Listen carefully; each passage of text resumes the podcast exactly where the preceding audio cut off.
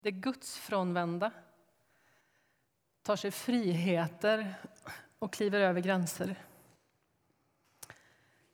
När ondskan tar sig friheter berövar den oss på vår frihet. Den skadar våra gränser. I kontrast till det är det Gud som gör oss hela och ställer oss på en plats där vi kan leva i hans frihet.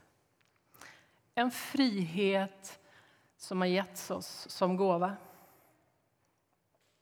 En frihet som ryms inom trygga gränser. Den där platsen som vi får kalla vår alldeles egen. Ett utrymme för vår person att existera. För dig att vara älskad. Där du får använda dina gåvor, leva, finnas. Det är Gud som berättar för dig vem du är. Det är alltid ondskan som skövlar och kliver över våra gränser. Och det är alltid Gud som säkrar upp dem igen. Det är ondskan som orsakar alla möjliga sår och märken i vår själ. Medan Gud är den som helar, läker och vårdar. Det är ondskan som river ner det där skyddet som var tänkt för dig, för oss alla. Det som vi behöver runt vår person, det som vi kallar för vår integritet. Men Gud murar upp den igen. Gud upprättar vår person. Han värnar dem som vi var skapade till att vara. Han längtar efter att se oss i full blom, fria, glada, hela, trygga och i full förvissning om vårt eget värde. På en plats där hans kärlek genomsyrar allt, hela vår tillvaro och känns fullständigt självklar. Vi kallar det här temat gränskontroll. Det är inte alltid som vi har kontroll på våra gränser. Ibland kliver vi ut över våra befogenheter, in på någon annans. Och ibland kliver någon ut över sina befogenheter, in över våra. syvende och sist tror vi att det där handlar om makt. Att använda makt på fel sätt och att utnyttja makt på ett sätt som det inte var tänkt. Och jag vill läsa från Matteus 20 idag, vers 20-28. Det är en Jesusberättelse. berättelse det finns nästan pinsamma inslag av maktbegär i den här berättelsen. Det står om Sebedaios-sönerna. Det är två av Jesu lärjungar, Johannes och Jakob. De skickar sin mamma, ska vi läsa om. Eller hon skickar sig själv, kanske. Det står så här. Sedan kom Sebedaios-sönernas mor fram till honom, alltså Jesus tillsammans med sina söner och föll på knä för att be honom om någonting.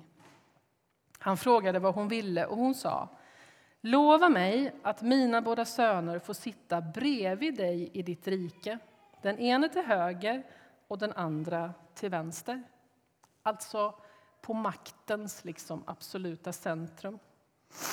Jesus svarade, ni vet inte vad ni ber om. Kan ni dricka den bägare som jag ska dricka?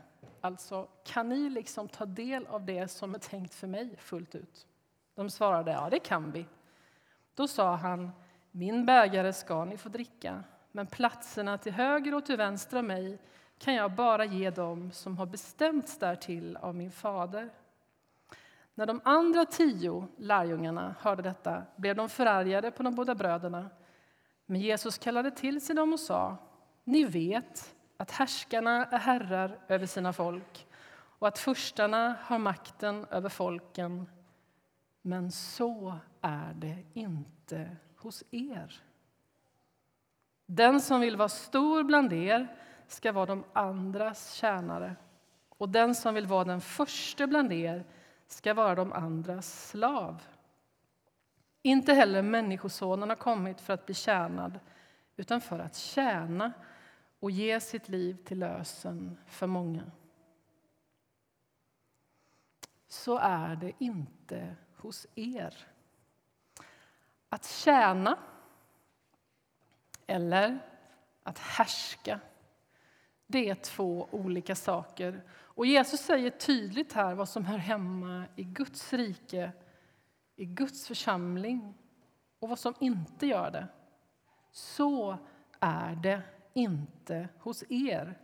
Hos er finns ingen som härskar och utövar makt på ett destruktivt sätt som tävlar om makten och försöker roffa åt sig de mest inflytelserika platserna. Hos er finns bara de som tjänar. Hos er ska Guds rikes principer råda frid, rättfärdighet och glädje i den helige Ande, skriver Paulus i Romarbrevet. Hos er ska det inte råda maktkamp, förtryck, översitteri eller härskartekniker. Allt det går stick i stäv med Guds rike och Guds tankar för sin församling. Det är Guds frånvänt och det är uppror mot det rike som Jesus kommer med. Och förtrycket blir till syvende och sist ett led i vad ondskan vill åstadkomma i den här världen. Förtryck kliver över gränser och förstör dem. Jesus kommer och vill hjälpa oss med vår egen och andras integritet. I skuggan av alla berättelser om sexualisering, objektifiering och maktutövning så vill vi i det här temat gränskontroll försöka se hur Jesus bemöter människor och hur han vill hjälpa oss att leva tillsammans utan att skövla varandras gudagivna gränser. Han värnar dem. Och när de skadas är han den första som gråter och den som vill hela. När jag brer ut mig, när jag roffar åt mig, när jag tar mig friheter, vilket förfärligt uttryck, så går jag högst troligt över någon annan gräns och skapar ofrihet för någon annan. Att jag tar mig friheten inkräktar på någon annans frihet och gränser. Jesus kallade till sig dem och sa ni vet hur härskarna gör. Ni vet hur furstarna har makt, men så är det inte hos er. Den som vill vara stor bland er ska vara de andras tjänare.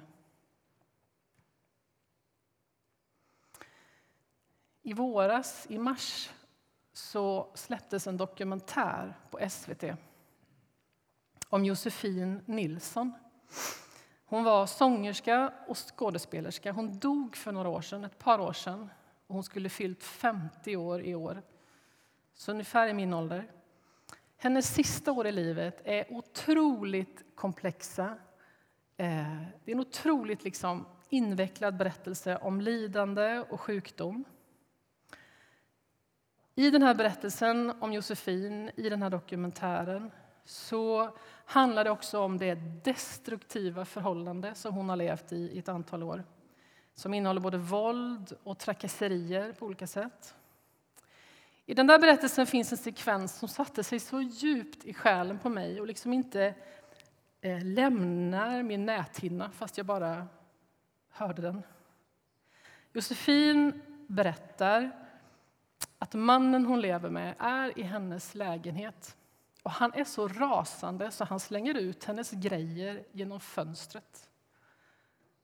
Och Josefin ligger på golvet. Jag tror hon har hamnat där på grund av honom. Och så säger hon det där som ingen ska behöva säga. Snart slänger han nog ut mig också.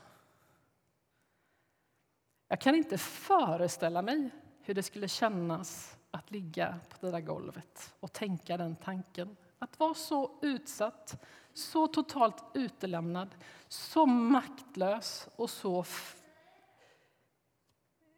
över... Jag vet inte vad. Körd. Hon ligger i princip och fruktar för sitt liv i sin egen lägenhet med en man som hon känner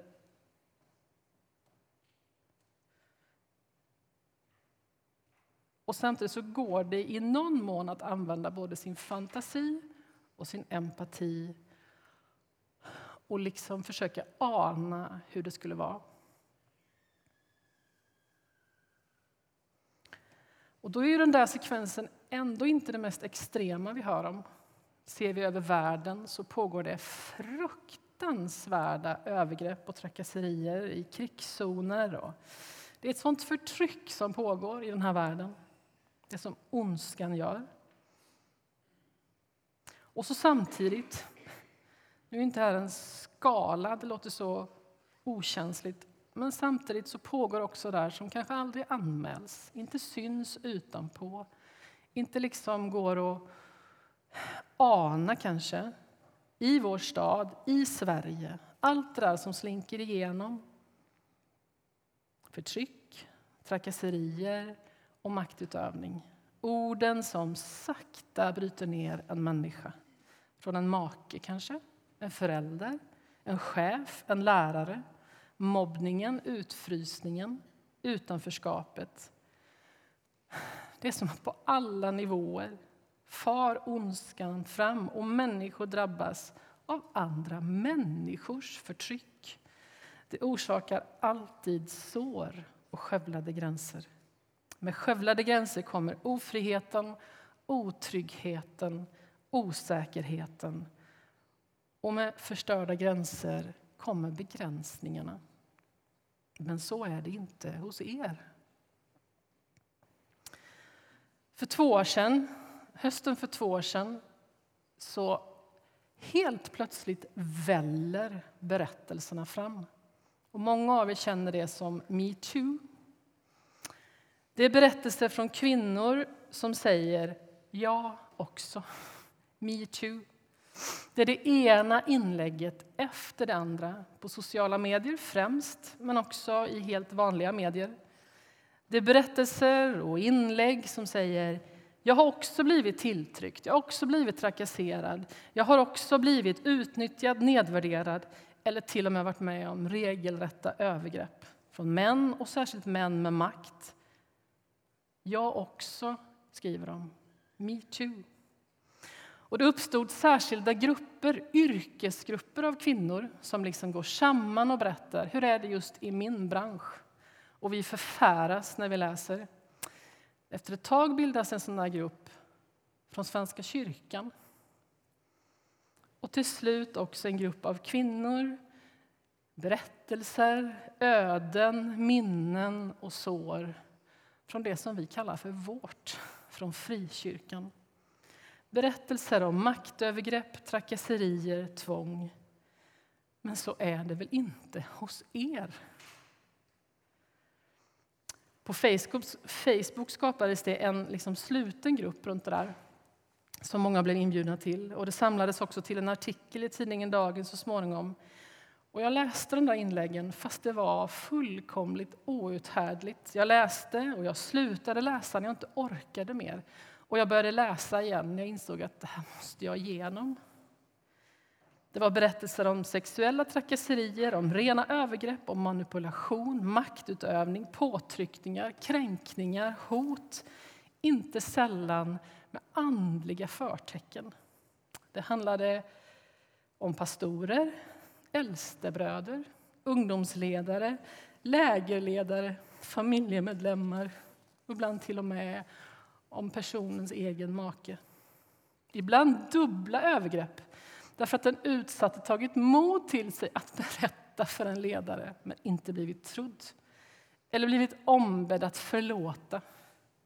Att, inte, att liksom i det tysta förlåta, inte skada någon annans anseende.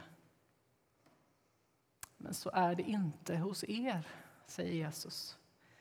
Den som vill vara stor bland er ska vara de andras tjänare.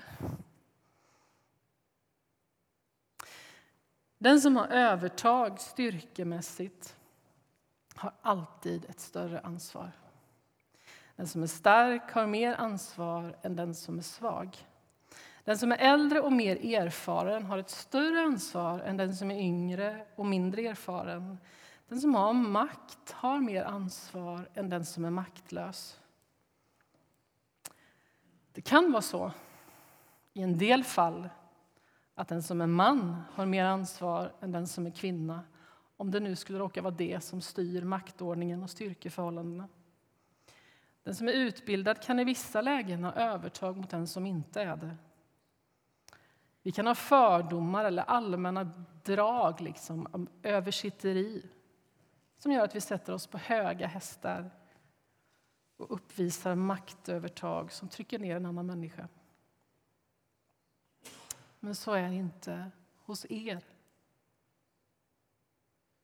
Den som vill vara stor bland er ska vara de andras tjänare och den som vill vara den första bland er ska vara de andras slav.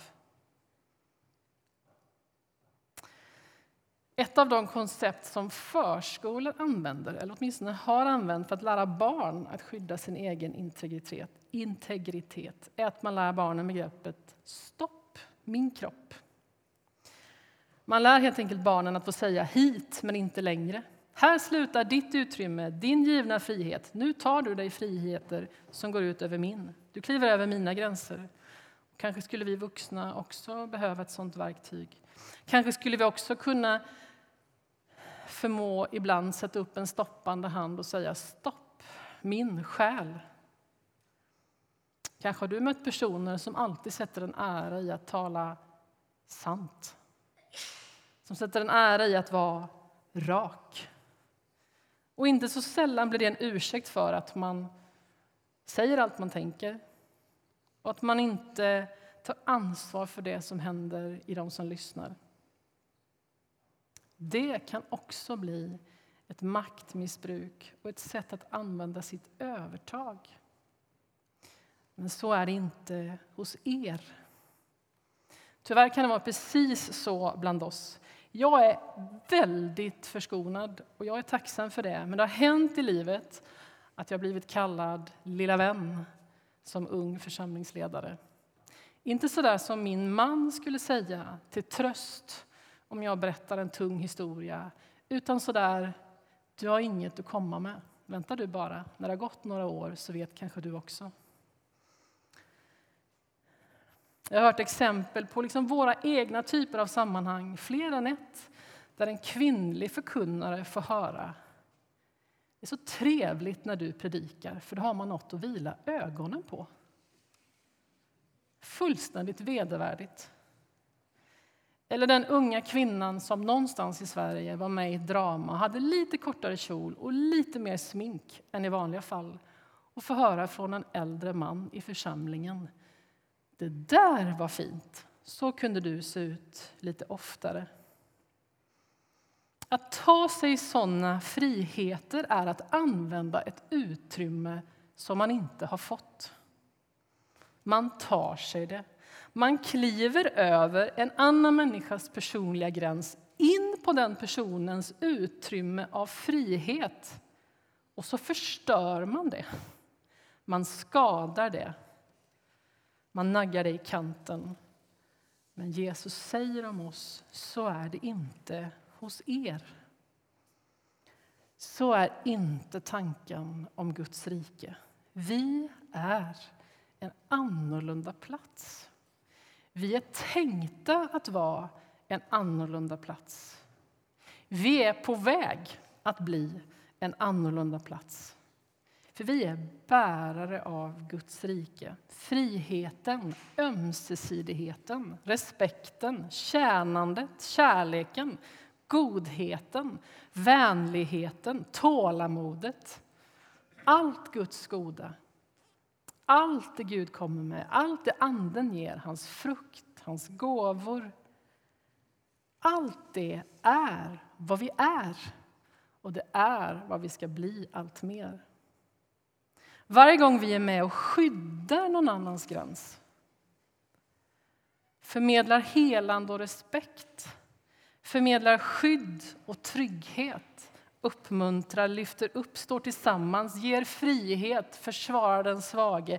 Varje sån gång växer Guds rike och vi blir mer den plats som det var tänkt. Jesus ger oss bilden, idealet. Men så som hos maktens män, som hos härskarna, så är det inte hos er. Vi ser tyvärr ibland någonting annat, men vi vet vad vi ska vara. Vi vet vart vi är på väg. Vi vet vad vi ska bli. Så är det inte hos er. När vi tar rygg på Jesus, när vi följer honom, när vi härmar honom då slutar vi att härska och så börjar vi tjäna. När vi härmar Jesus kommer vi inte ovanifrån, utan underifrån. När vi härmar Jesus tar vi oss inte friheter och klampar in på någon annans utan vi värnar både vår egen givna frihet och andra. Vi kliver inte över gränser. Vi skadar inte gränser. Det är Gud som kan och som vill hela oss. Det är han som ställer oss på en plats där vi kan leva i hans frihet. En frihet som ges som gåva. En frihet som ska rymmas inom trygga gränser. Den där platsen som vi får kalla min. Min plats på jorden.